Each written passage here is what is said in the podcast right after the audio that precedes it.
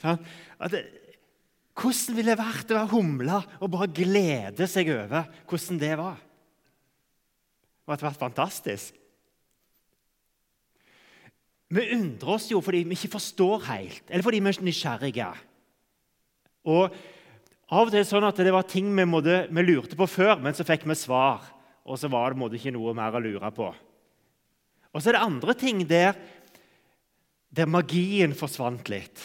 Altså Det var liksom ja, stemning og undring, og så, og så forsvant litt måtte, gleden over det der. Er det ting måte, du lurer på fortsatt?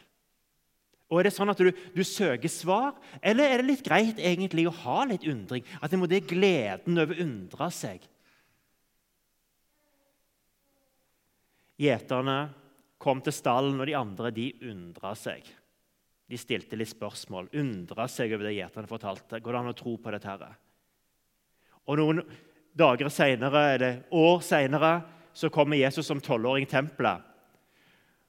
Foreldrene har lett etter ham, sånn han er vekke. De kommer inn i tempelet, der sitter han og snakker med disse fariseerne. Og så står det med det første reaksjonen de var slått av undring. Og så lurte de på hvorfor i all verden han ikke hadde sagt fra. Og det jeg lurer på Hvor gjør en tolvåring av seg i tempelet i løpet av tre dager i forhold til å sove og spise? Har han bare sovet ute på gata? Hva, hva, gjorde Jesus? Er det noen som tok seg av han? Det er jo ikke bare, bare for en tolvåring i Jerusalem heller å klare seg tre dager alene. Gud skapte undringen. Og jeg tenker at Undringen har forskjellige navn. Eh, og Vi kan få opp noen eksempler her i forhold til nysgjerrighet, i forhold til forundring det òg utfordrer oss, fordi at eh, vi lurer på ting på hvorfor er det sånn. Og så er det et stykke hverdagsmagi i det med å undre seg over ting. Bare kjenne litt på det at ja, det var jo noe å fundere på. Jeg slo opp i synonymerbok, og det var det to grupper når det kom til det å undre seg så var det, det ene var forbause, overraske, litt det der elementet der. Og så var det det mer fundere, grunne på, overveie, filosofere. Det var det der å hive det litt sånn fram og tilbake. Eh, og Så prøvde jeg å finne et antonym, altså det motsatte å undre seg. Men det klarte ikke synonymboka å komme opp med, så det måtte jeg finne på sjøl. Og jeg tenker at eh, antonymet må jo være likegyldighet. Forundring, spørsmål. Det, det, er noe liv i det. Det er noe som måtte påvirke oss. Men jeg tenker at eh, vi er ikke nøytrale når vi stiller spørsmål, og med de store spørsmålene her i livet. Da har vi på oss et sett med briller. Eh, og verden får på en måte en farge ut ifra det som er vokst opp med, det som har satt seg. Eh, vi ser på en måte ikke nøytralt på verden. Og disse brillene våre, kulturelle briller, verdensbilder, de styrer jo både hvordan vi tror, hva vi tenker, styrer handlingene våre. Og de styrer òg hva vi håper på, hva vi ser fram mot. Og hva har påvirka dine briller? Noen har vokst opp med et religiøst, kristent verdensbilde akademisk, vitenskapelig, moralistisk. Karma og skjebne brukte jeg bare her måte, som måte, ut, måte, ytterpunkter på Vokste du opp med at det var en forklaring på ting? En årsak til ting? Eller var det sånn at ting skjer, men vi forholder oss til ting som skjer? Det er litt sånn ytterpunkter i forhold til hvordan en forholder seg til verden. Jeg tenkte litt tilbake på egen oppvekst i forhold til hva, hva ble holdt fram. Og I min oppvekst var jo misjon var det store. NMS. Hele verdensbildet kunne nesten måtte samle i ordene NMS. Sånn? Dere ser for dere det å vokse opp med en familie. Sånn? Det, var, det, var, en stor del av verdensbildet. Eh, far var veldig opptatt av utdannelse. Så klart Noe av det der utdanne seg det var en del av det som ble sådd inn gjennom morsmelka. Og Han var kjempestressa på søstera mi. som reiste på team og dro verden rundt og skulle gjøre all mulig slags greier. Og det var, det var greit ett år, men tre Da satt far hjemme og var ganske stressa i sitt eget verdensbilde på hvordan dette skulle gå. Og så har det gått ganske greit. Og så husker jeg denne opplevelsen som andreklassing. Vi bodde på Eikeland, nærheten av onkel som drev gård, og ute henta stein. Det var en del av vårarbeidet.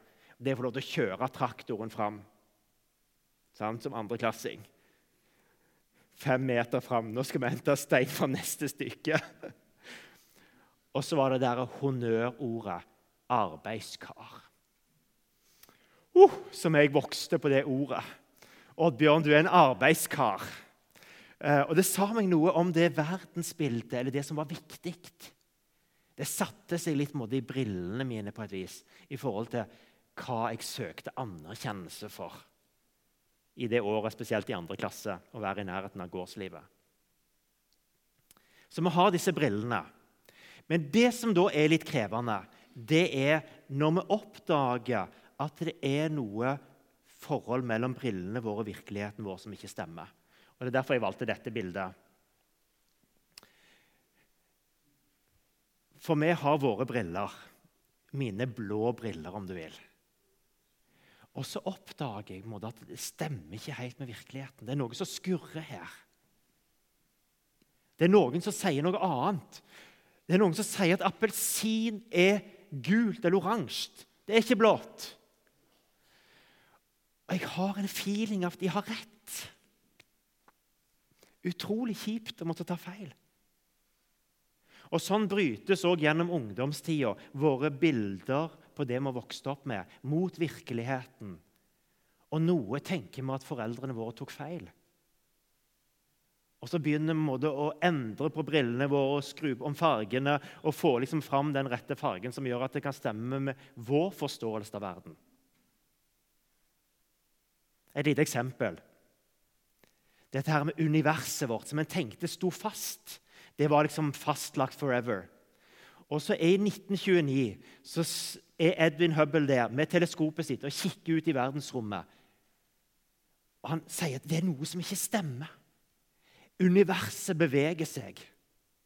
Og I 1931 da kjører han opp til Albert Einstein og så sier han, 'Kom og sett deg i bilen min. Du skal være med og se på et rart fenomen.' Og Så blir Albert Einstein med han i bilen opp til der han har det teleskopet sitt, og ser ut. Og får se måte, for første gang verden beveger seg. Så skulle det ta litt tid for dette med kosmisk bak, bakstråling alt det der ble oppdaga. Men de første måte, sporene til å tenke rundt det Big Bang var skapt. Fordi at verden står ikke stilt, universet står ikke stilt. Det er bevegelse. Hva da med våre verdener og det vi tenker? Når vi merker at det skurrer litt, hva er det da som skjer? Bare ta neste bilde. Jo, det som skjer, det er at vi begynner å vandre. Vi begynner å bevege oss. Og For de fleste av oss så tror jeg at den der første undringa og litt det der oppgjøret med ting som vi har vokst opp med, eller tenkt på var viktig, og som ikke blir så viktig lenger Den første fasen der er ganske kritisk, for han er, han er sjelden veldig bra for oss.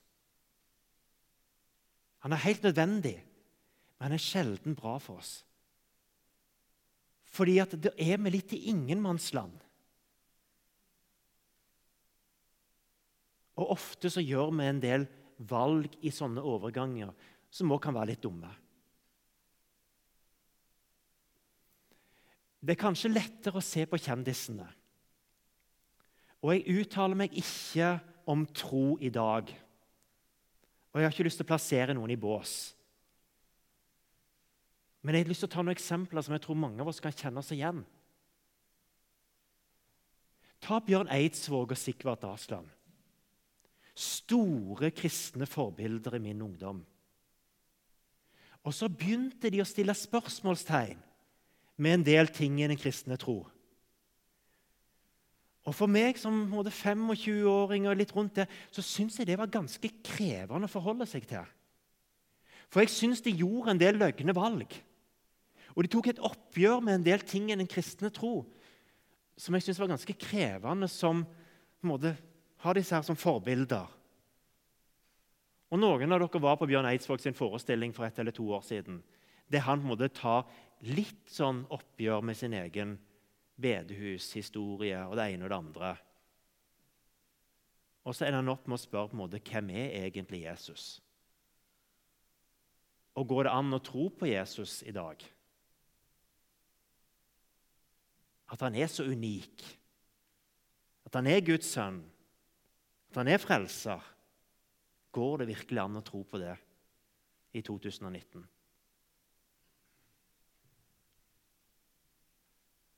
I fjor så stilte jeg spørsmålstegn meg noen gudsbilder.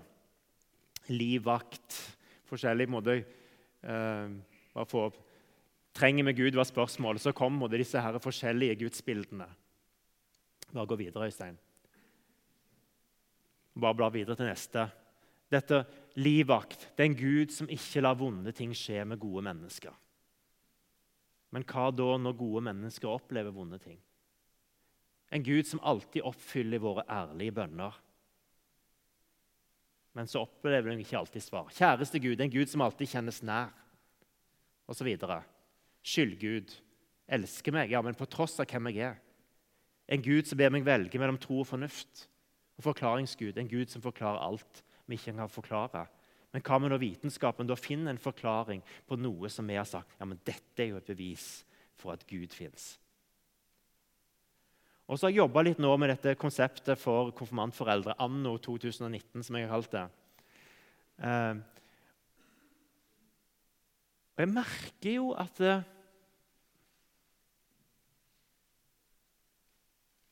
det gjør noe med meg å stille spørsmål. Og at jeg òg begynner å vandre. Dette mellom hva jeg har vokst opp med, og virkeligheten. Det er masse etiske spørsmål som svirrer rundt i hodet mitt. På er det så galt å ha sex for ekteskapet? Må vi ikke bare godta samboerskap, at det er en del av kulturen vår nå? Sannsynligvis vil så mange av ungene våre bli samboere. Hva, skal vi holde fast på? Så Det er de etiske spørsmålene. Så blir jeg litt forundra over at dette med tvillingabort ikke går sånn innpå meg. Det blir nesten sånn, Skal KrF holde på med de der gamle greiene? Min opplevelse. sant vel? Men så er det jo viktig. Men jeg, blir litt forundra over at så store, viktige ting ikke angår meg.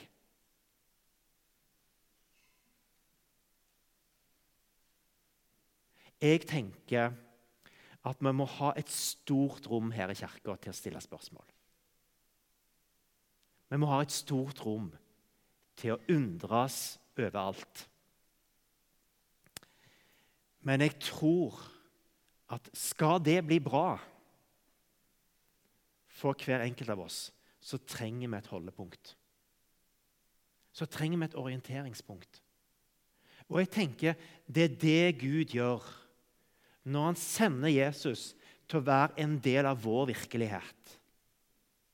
Sant? Ikke bare den guden som er langt vekk, men til å være en del av min virkelighet.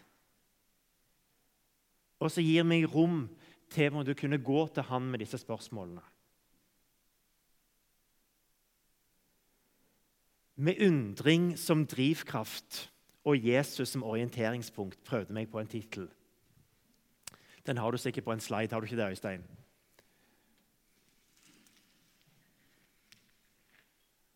Og Det var i grunnen dette bildet jeg så for meg. Lysgloben. Samme hvor jeg står, samme hva jeg undrer meg over, så er det et spørsmål er du klar for i starten på 2019 å sette Jesus på toppen der, som et orienteringspunkt. At samme om kart og virkelighet ikke stemmer helt, og det er fortsatt ting som skurrer, og ting du lurer på, er du klar for å si at Jesus er det orienteringspunktet som skal være der og styre alt? At Jesus er Guds sønn, sann Gud og sant menneske. At han kom som frelser. At han er den som holder alt sammen.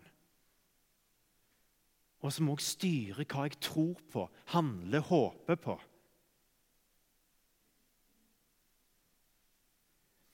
Hebreerbrevet forteller er skrevet til en gruppe av jødekristne som begynte å lure. Jesus hadde sagt han skulle komme snart igjen, og så fortsetter forfølgelsen. Og de mister motet. Og så skriver forfatteren, vi vet ikke helt hvem det er.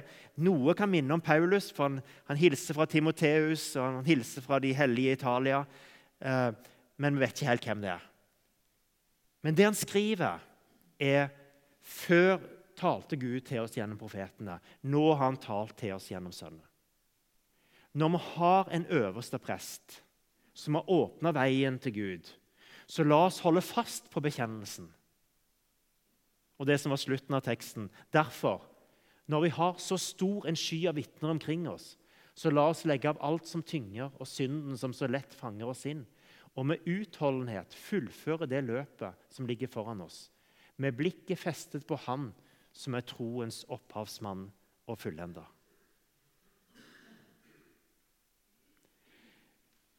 Han bruker ordet 'derfor' 27 ganger i hebreerbrevet. Og så hiver han på en 10-15 stykk av 'siden vi nå har'. Så Det er bare, det er bare sånn gjennomsyring. Jeg anbefaler dere å lese brevbrevet. Fantastisk sånn oppmuntring til det å la Jesus være på en måte orienteringspunktet for all undring. Og For min del så er iallfall det der jeg ønsker å starte 2019 Og som jeg sa på julaften, at eh, jeg lurer på hvordan jeg hadde takla å vært der i år 33 og år 0 og opplevd det som skjedde. Jeg er utrolig glad for at jeg har virkningshistorien av både juleevangeliet og påskeevangeliet. Det har sett hva det har betydd opp gjennom historien, generasjon etter generasjon. Jo, det har vært maktmisbruk, det har vært feil, det har vært ene og det andre. Men på en eller annen forunderlig måte så har dette budskapet vist seg å ha en kraft som kan forvandle menneskers liv. Som kan gi håp, og som kan gi frelse.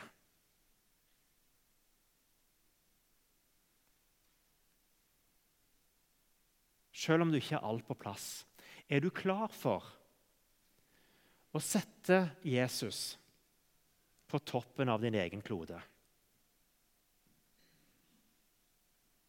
Og si det, ja, jeg ønsker å ha Jesus der, som det orienteringspunktet.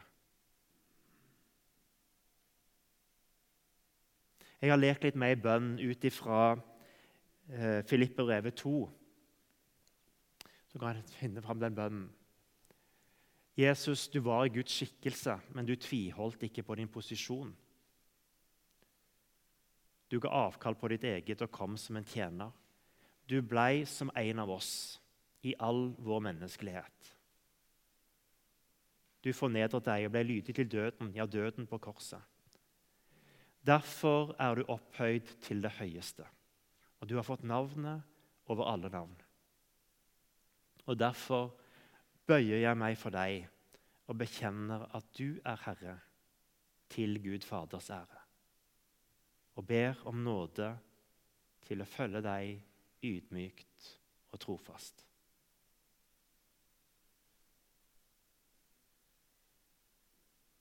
Hva med å be ei bønn som dette? Bare ta den første en gang en gang til.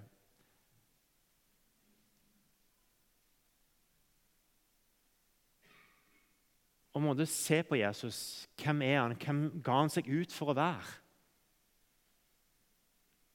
Og så min respons i det neste, eller din respons. Hvis du tar det neste bildet. Og faktisk bøye meg og bekjenne at du er Herre.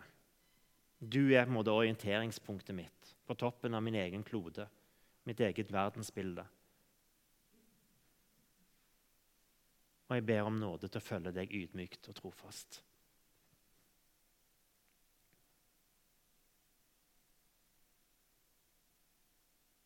Hver for oss der vi er. La oss bare ta et lite minutt i stillhet.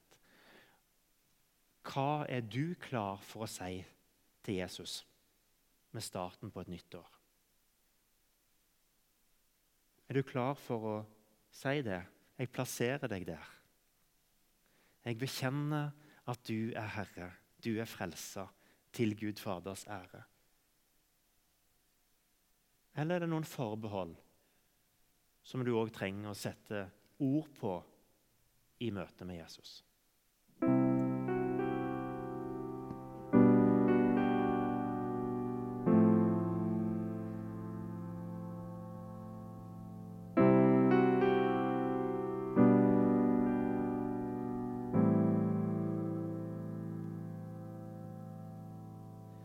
Jesus, jeg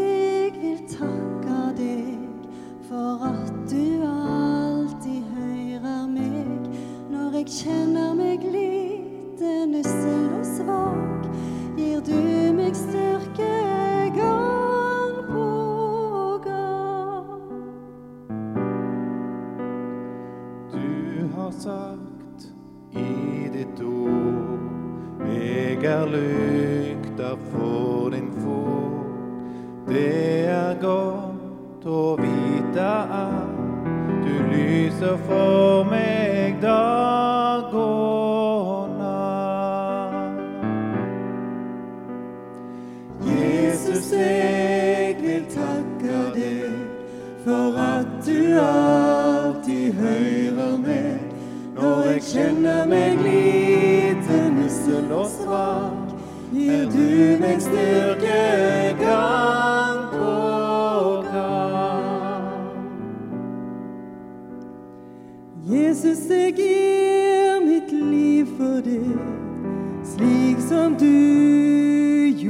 for meg. Du kom hit ned til oss med bud. Hjelp meg du å huske det. Jesus, jeg vil takke deg for at du alltid hører meg når jeg kjenner meg liten, ussel og svak. Gir du meg styrke gang på gang. Jesus, jeg vil alltid følge deg. Du har sagt at du er glad i meg. Derfor har jeg lyst